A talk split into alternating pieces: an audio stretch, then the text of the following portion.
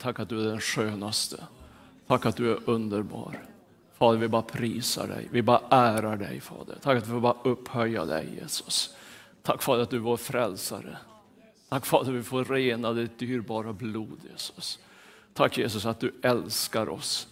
Och vi vill bara ge tillbaks lite kärlek till dig, Jesus. Vi vill bara upphöja dig idag, Jesus.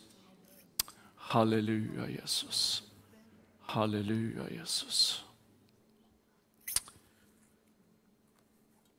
Ja, är det bra med dig?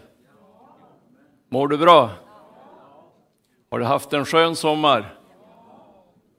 Vet du att jag har haft en jätteskön sommar? Och jag har haft det så bra.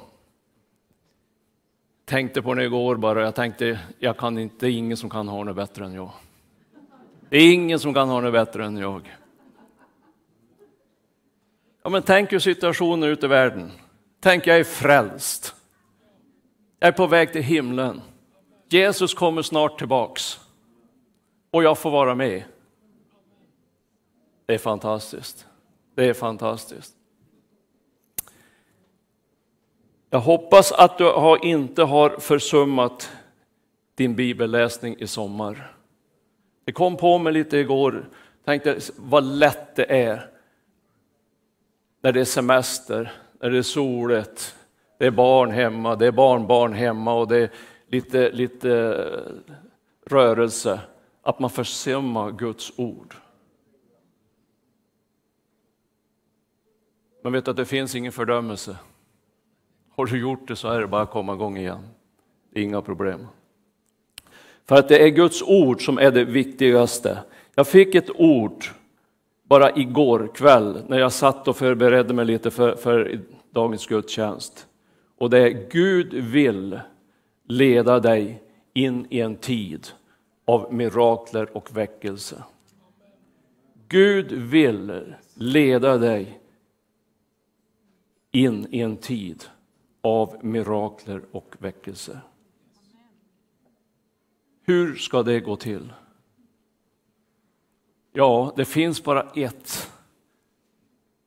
En väg att gå och det litar på att Gud har allt under kontroll. Och att jag gör det jag ska göra, då kommer Gud att göra resten. Och eh, en sak som jag bara har kommit på och det är att hur viktigt är det inte att jag är i Guds ord? Hur viktigt är det inte att jag är i alla berättelser som jag kan egentligen innan och utan till? Men vet du att det finns? Det finns mat. Det finns mat i Guds ord. Guds ord är skarpare än ett tvegat svärd. Guds ord kan säga emot vilka situationer som, som helst ute i världen.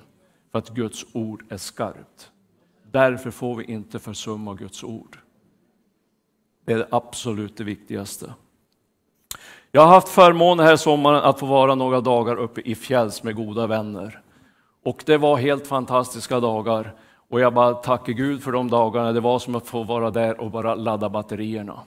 I varje fall så var vi ute på Karlfjäll och vi var ute på sjön ganska ofta. Vi åkte ganska mycket båt. Och då kom jag att tänka på en sak. Jesu liv handlar väldigt mycket om sjö och båtar. Han var mycket på sjön. Han var må många gånger i båtar och han färdades. Och eh, det där har tagit tag i mig lite grann. För att jag har lärt mig en sak. Det är väldigt, väldigt ofta det är lugnt på sjön. Det stormar ganska ofta då det är på sjön.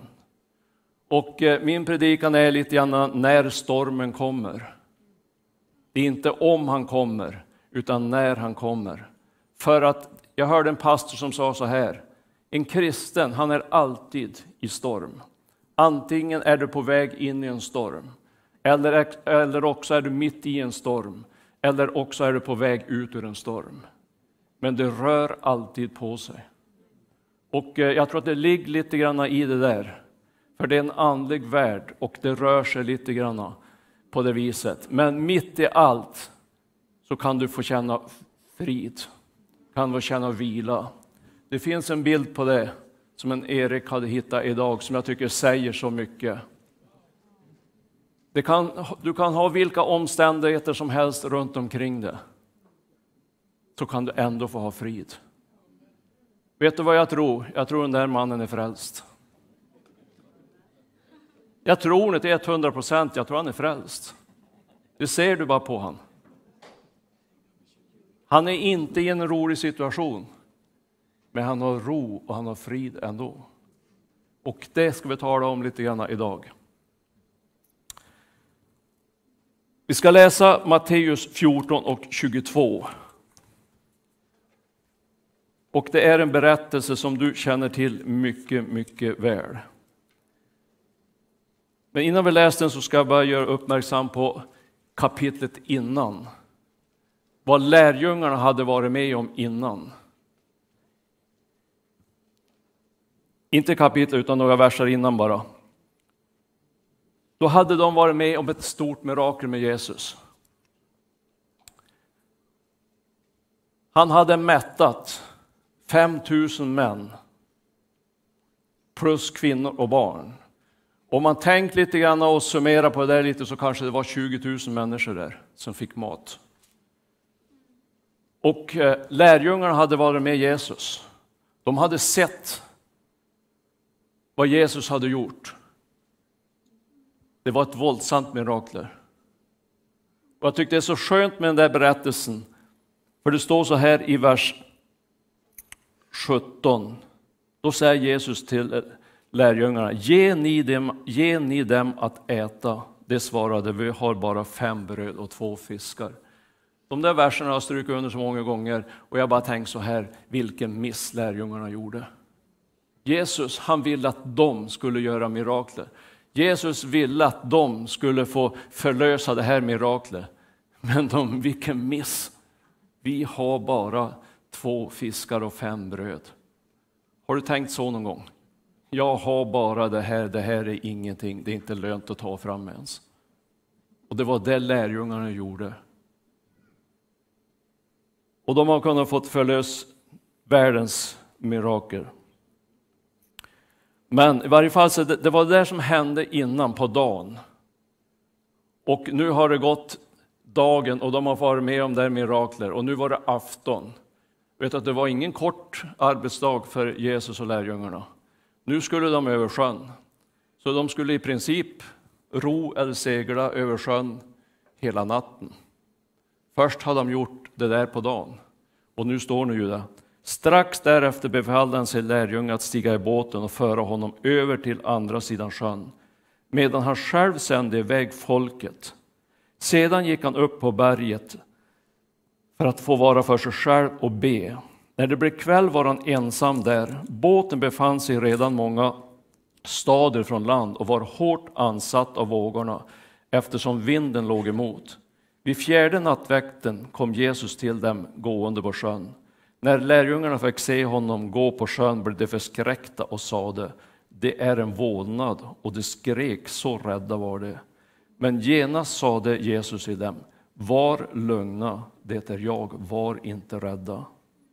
Petrus sade, sade, Herre, om det är du, så befall att jag ska komma till dig på vattnet. Och Jesus sa, kom. Ha det här i baktanken nu i, i bakhuvudet, vad de hade varit med om på dagen. Och nu var de ute på sjön och var mitt i en storm. Det finns många intressanta saker i den här berättelsen. Men det första man kan tänka på det är vers 22. Strax därefter befallde han sina lärjungar att stiga båten och fara över till andra sidan. Jesus befallde sina lärjungar att åka rakt in i en storm. Ensamma. Jesus han skulle inte med. Och då tänkte man så här, ja, kanske de kom in i stormen för Jesus var inte med i båten. Men vet du, det stämmer inte riktigt, för det finns en annan berättelse där Jesus låg och sov i båten och det stormade lika mycket då. Det var ingen skillnad.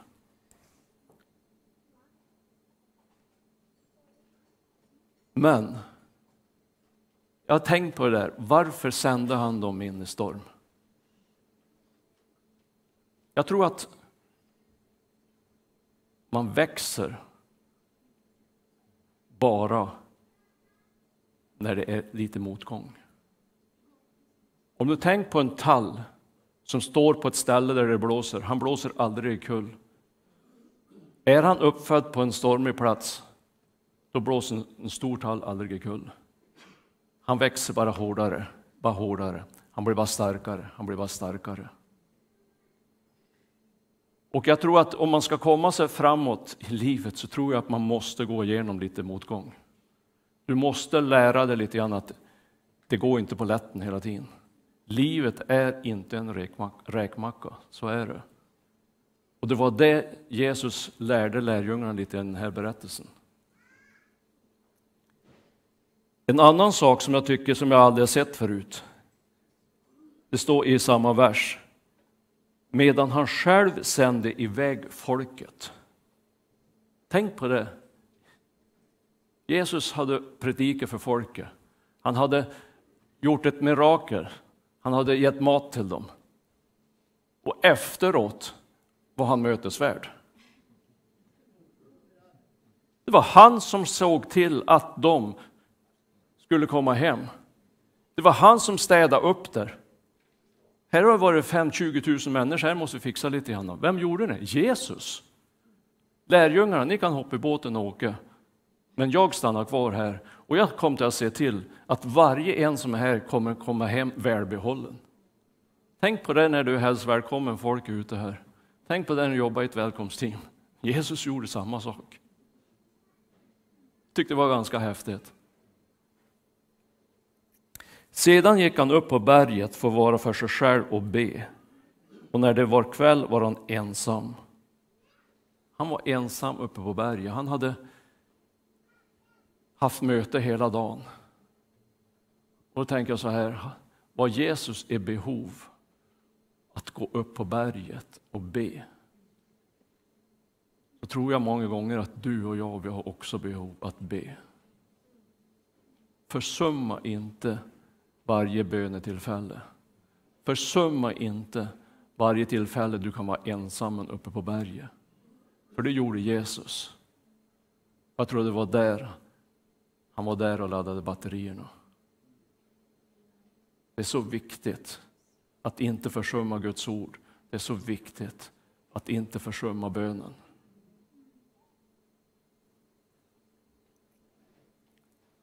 Båten befann sig redan då många stader från land och var hårt ansatt av vågorna eftersom vinden låg emot.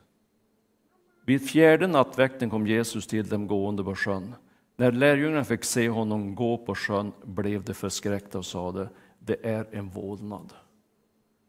Har du tänkt på det? De hade varit med Jesus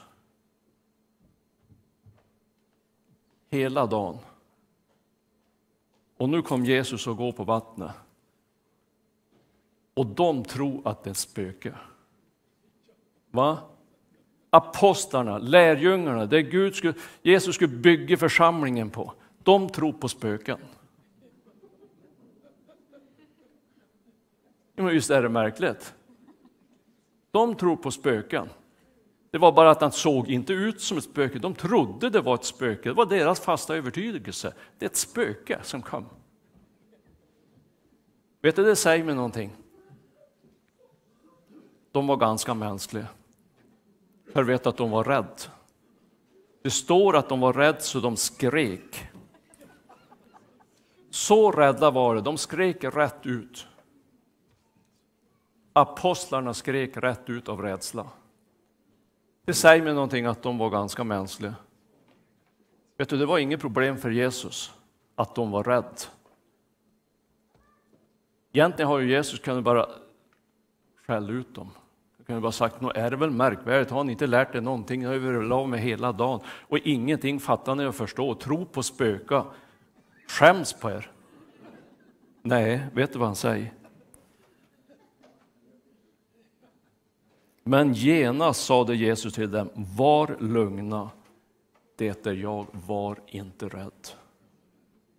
När du känner så där någon gång, när någonting börjar på krypa in på skinnet för våldsamt, Jesus har inget problem med det. Han bara säger, var bara lugn. Det är jag. Jag är med dig. Jag kommer aldrig att överge dig. Jag kommer aldrig att lämna dig. Var bara lugn. Och det är det som kan vara problemet när det stormar. Att vara lugn i stormen. Sitt i båten, brukar man säga. Stå inte i båten. Sitt i båten, var lugn. Stormen kommer att gå över. Det kommer att mojna. Det kommer att lugna ner sig.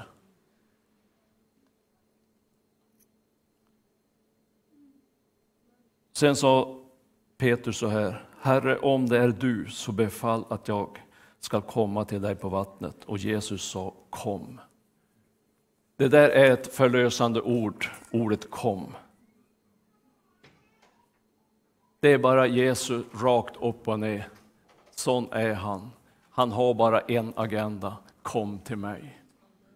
Kom till mig. Det står så här i, det står så här i Matteus 12 och 28. Kom till mig alla som arbetar och bär på något tungt, något som tynger dig. Kom bara. Och jag tror att det är det vi måste uppleva, du och jag. Vi måste bara, bara få känna Jesu kärlek. Vi vet bara få komma inför Jesu fötter och bara, bara uppleva hans kärlek som säger bara kom till mig bara. Var bara lugn. Det stormar just nu, det blåser just nu, ja absolut. Men jag är med dig. Du är inte ensam.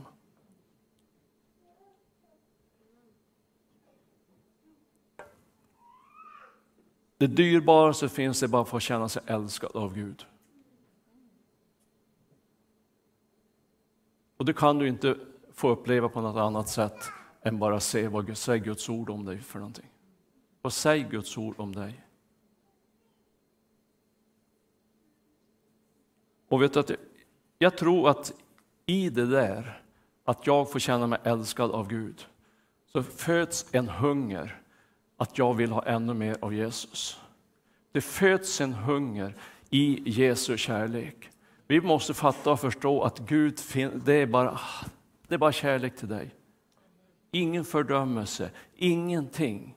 När du är så rädd så du skriker rakt ut som lärjungarna, så säger Jesus, är lugn bara, jag är med dig. Och jag tror att det föds en längtan, det föds en förväntan i kärleken med Jesus. Jag tror att det är det som är så viktigt att vi bara eftersträva.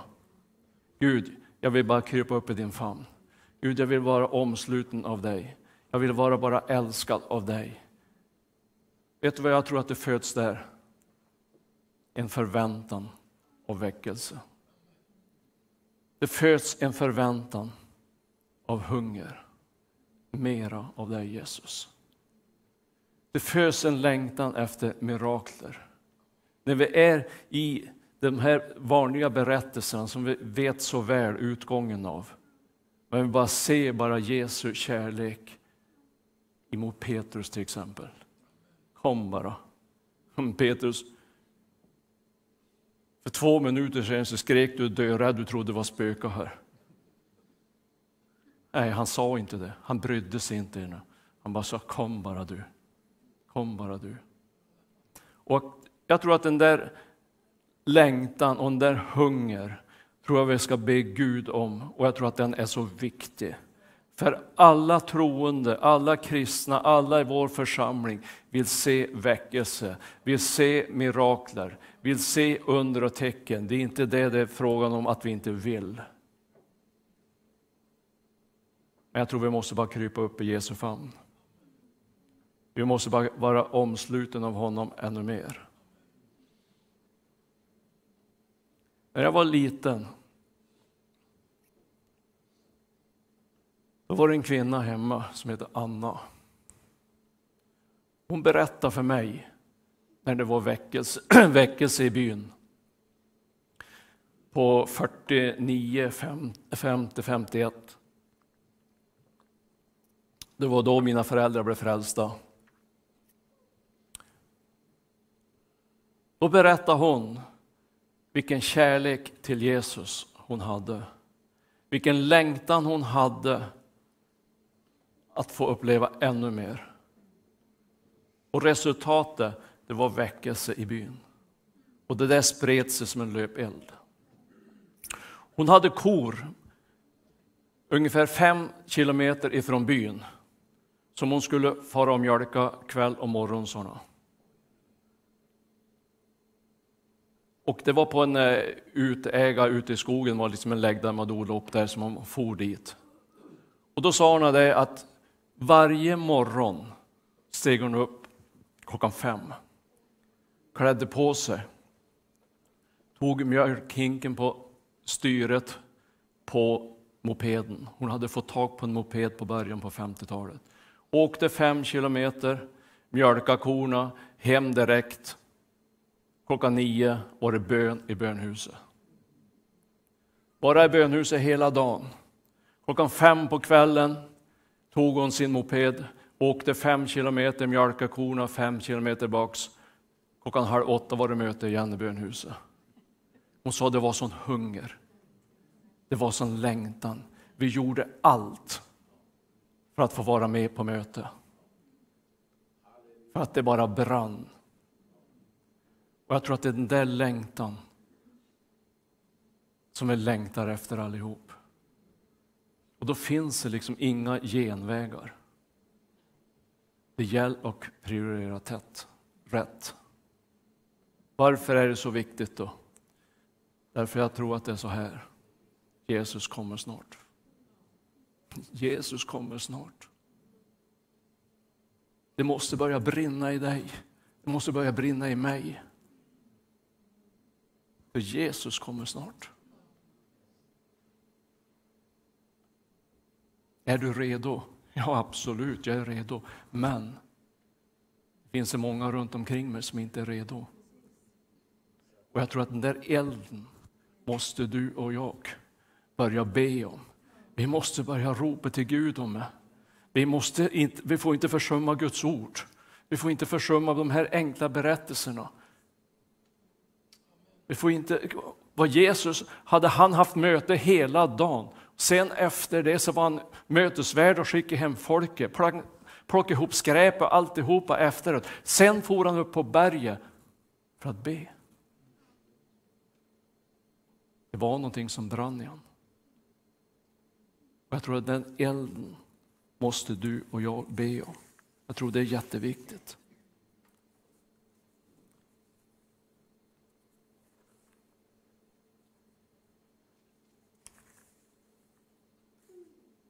Kanske du tänker, ja men det är så stormigt just nu.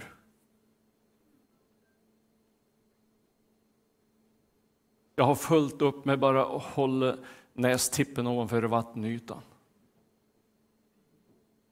Det är så mycket nu. Det är si och så i församlingen. Del säger så och del tycks så. Och familjen är nästan kaos och det är överallt. Tänk på den här mannen som hängde hängmattan. Han har inte kunnat hänga på något, vara på något sämre ställe. Men han hade frid på insidan. På något sätt.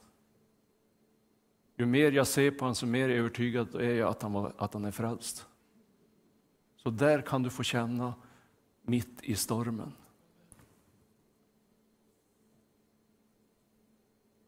Då kan du tänka så här, måste det storma jämt?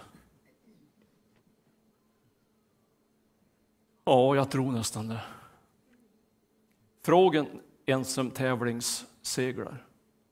Stiltje, det är det värsta de kan råka ut för. Är det motvind, då kan du kryssa. Är det medvind går det lätt. Är det sidvind går det bra. Men se stiltje. Det är pest och pina. Du kom ingen vart. Ja, men varför kan inte jag vara här då? Här är ju lugnt och skönt och fint. Här är det mysigt. Vet du, vi ska över på andra, andra sidan stranden. Vi ska över. Vi ska på andra sidan. Vi är på väg någonstans. Min pappa väntar på mig. Då kan jag inte vara på en plats där det är stiltje. Där jag måste framåt.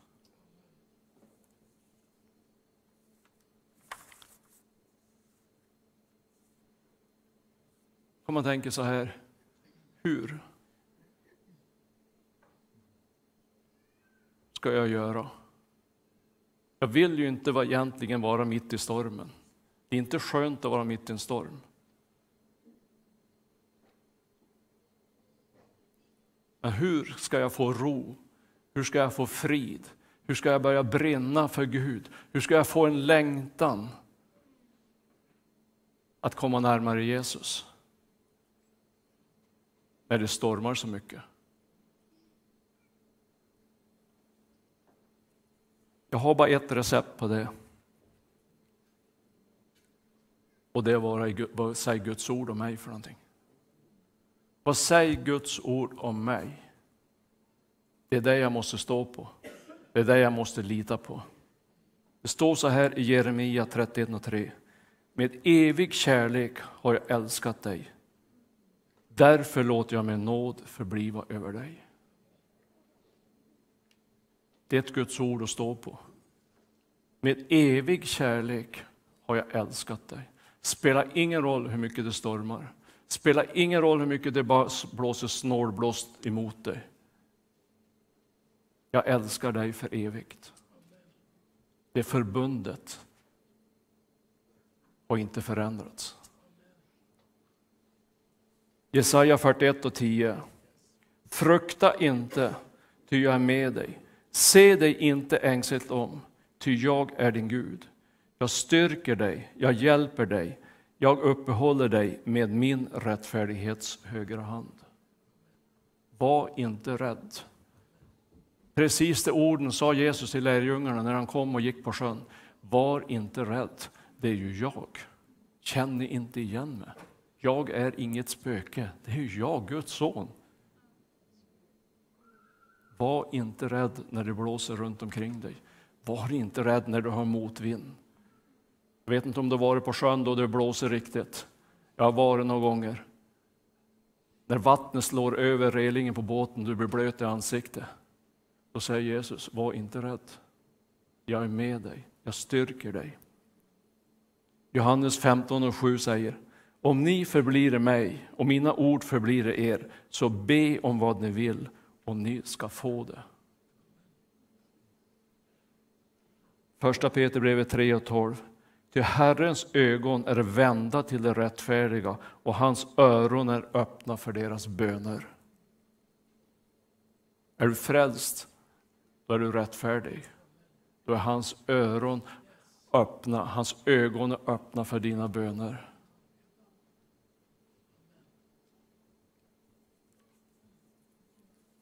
Jag tror att det här är, är så viktigt att du och jag prioriterar rätt. Tro inte att jag är något bättre än du, vi sitter nog i samma båt. Men sitt kvar i båten. Även när det stormar, även när det blåser snålblåst. Med evig kärlek har jag älskat dig. Därför förbliver min nåd över dig. Guds nåd den är lika stor som öster är från väster och väster är till öster. Det betyder att Guds nåd den är oändlig.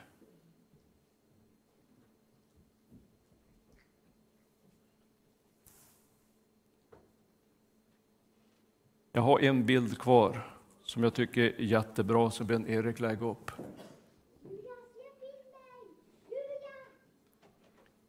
Säg så här. Det finns en anledning varför backspegeln är så liten och vindrutan så stor. Dit du är på väg är så mycket viktigare än där du har varit.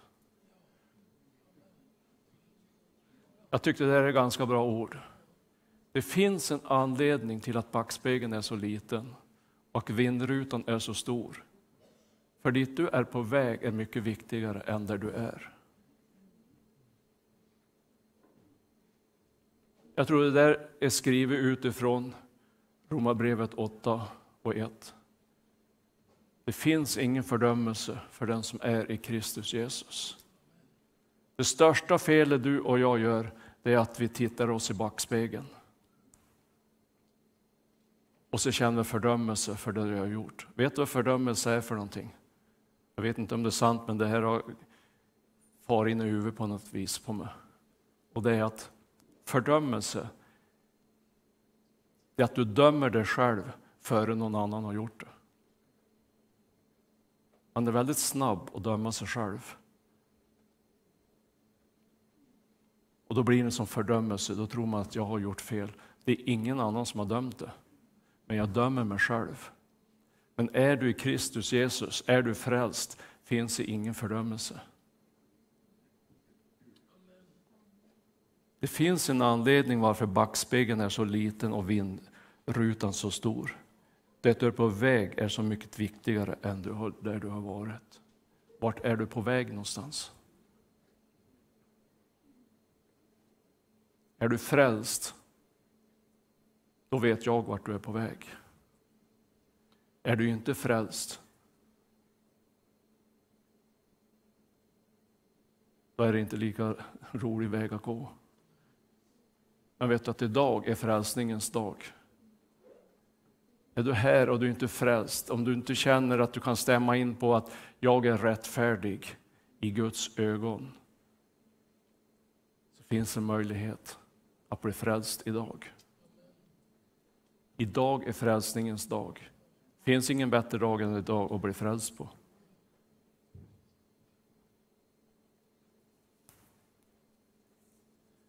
Gud vill leda dig in i mirakler och väckelsetider.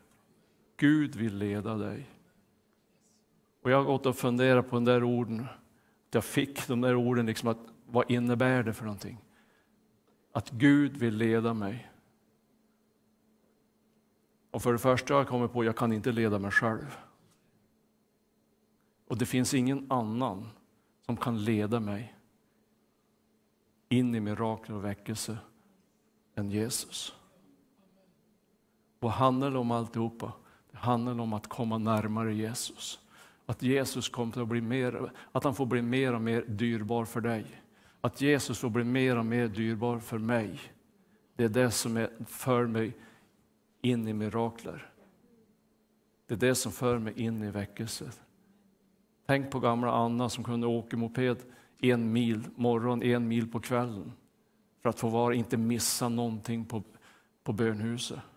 Vill inte missa inte ett bönetillfälle. Det var bön där dygnet runt nästan på bönhuset. Pastorn som var där, han heter Mandor Bergstedt. Hans fru vädjade till församlingen, ni måste be för Mandor. Han ber så mycket så jag är så orolig att, han, att det håller på att snurra upp i huvudet på honom.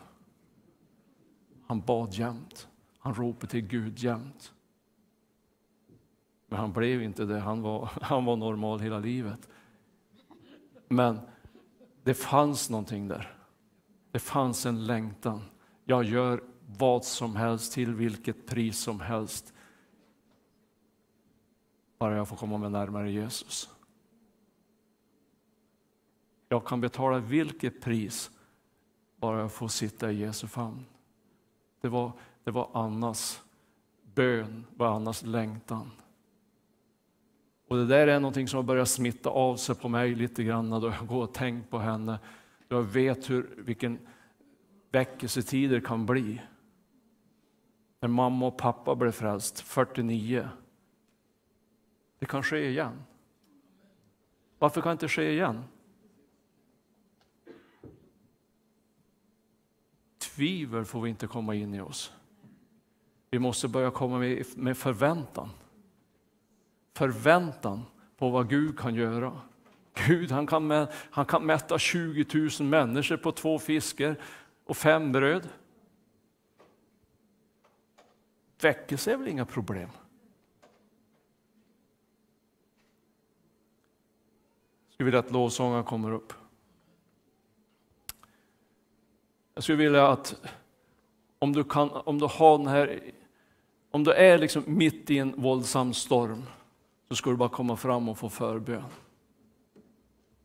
Du ska inte behöva vara rädd i stormen.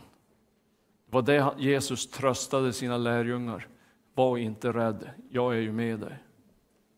Vi ska bara bära varandras bördor, står nu. Så är du mitt i en våldsam storm i ditt liv, så ska jag vilja att vi ska bara ha förebedja här och vi ska bara be tillsammans. Men också om du bara känner det här att Gud, jag vill komma ändå närmare dig. Jesus, jag vill vara berörd av dig. Jesus, nu, nu är det nog av all värld och allt möjligt. Gud, jag vill ta det här på allvar. Jag vill se väckelse. Gud, jag vill se att människor blir frälsta. Gud, jag vill se mirakler. Och jag vill vara en del av det.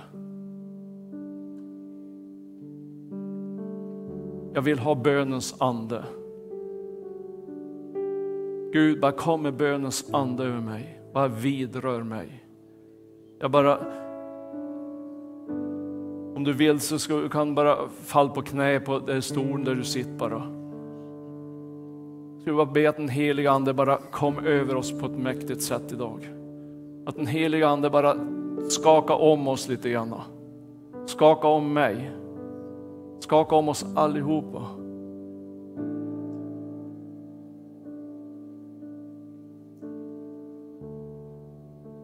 Säg som en Thomas säger ibland, det kan inte sluta på detta vis. Jesus kommer snart. Det är en verklighet.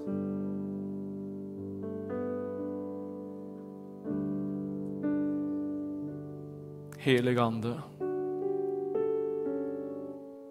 Jag bara tackar dig för din närvaro. Helig Ande, jag bara ber dig, bara kom över oss var och en. Helig Ande, jag ber dig, bara kom och smörj oss du. Med din smörjelse. Du vet vad vi längtar efter var och en. Spelar ingen roll om vi är mitt i en stor storm. Du är mitt i stormen. Du är med oss. Tack Fader att du är med oss. För vi ska över på andra sidan. Vi ska över på andra sidan. Fader, jag ber dig hjälp oss att inte titta i backspegeln, känna fördömelse för allt, som alla år och allt möjligt som har varit bara runnit förbi.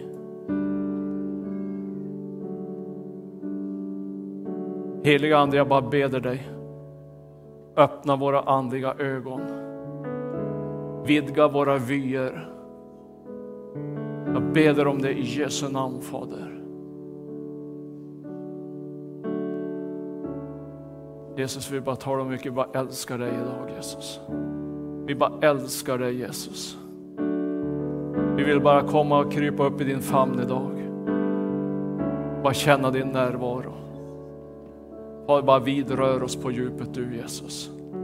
Fader, jag ber dig bara utrusta oss Fader. Vi vill vara skördarbetare. Du har ju sagt att skörden är stor, men arbetarna är få. Fader, jag bara tackar att det finns en stor skörd, Fader. Fader, jag ber dig bara öppna våra andliga så vi ser skörden framför oss, Jesus. Fader, de som är på väg att gå förlorade, de som är på väg att, att gå i förtappat, Fader. Gud, jag ber dig, öppna våra andliga ögon, Fader. All egoism som bara känner, tänker och tänker på oss själva Fader. Vi, är, vi har det bra, vi är på väg till himlen. Gud, vi bara tar bort den Fader. Gud, bara lägg nöd Fader. Gud, jag ber dig, bara lägg nöd i våra hjärtan Fader. Gud, vi vill se väckelse i Övik Fader. Vi vill se väckelse i Sverige Fader. Tack Fader att din vilja, det är att utrusta oss. Din vilja är att utrusta oss. Att du vill leda oss in i en tid av mirakler. Du vill leda oss in i en tid av väckelse, Fader. Gud, vi bara prisar dig Jesus. Vi bara ärar dig Jesus. Halleluja Jesus. Halleluja Jesus. Halleluja Jesus. Du kan få stå upp om du vill, ska vi bara prisa Gud. Vill du ha förbön så bara kom fram. Vi ska bara stötta varandra, vi ska bara bära varandras bördor. Om du stormar så våldsamt runt omkring dig, du vet inte vilken väg du ska gå, ska vi stå tillsammans och vi ska bara hjälpas åt och bara lyfta bördan I Jesu famn Fader.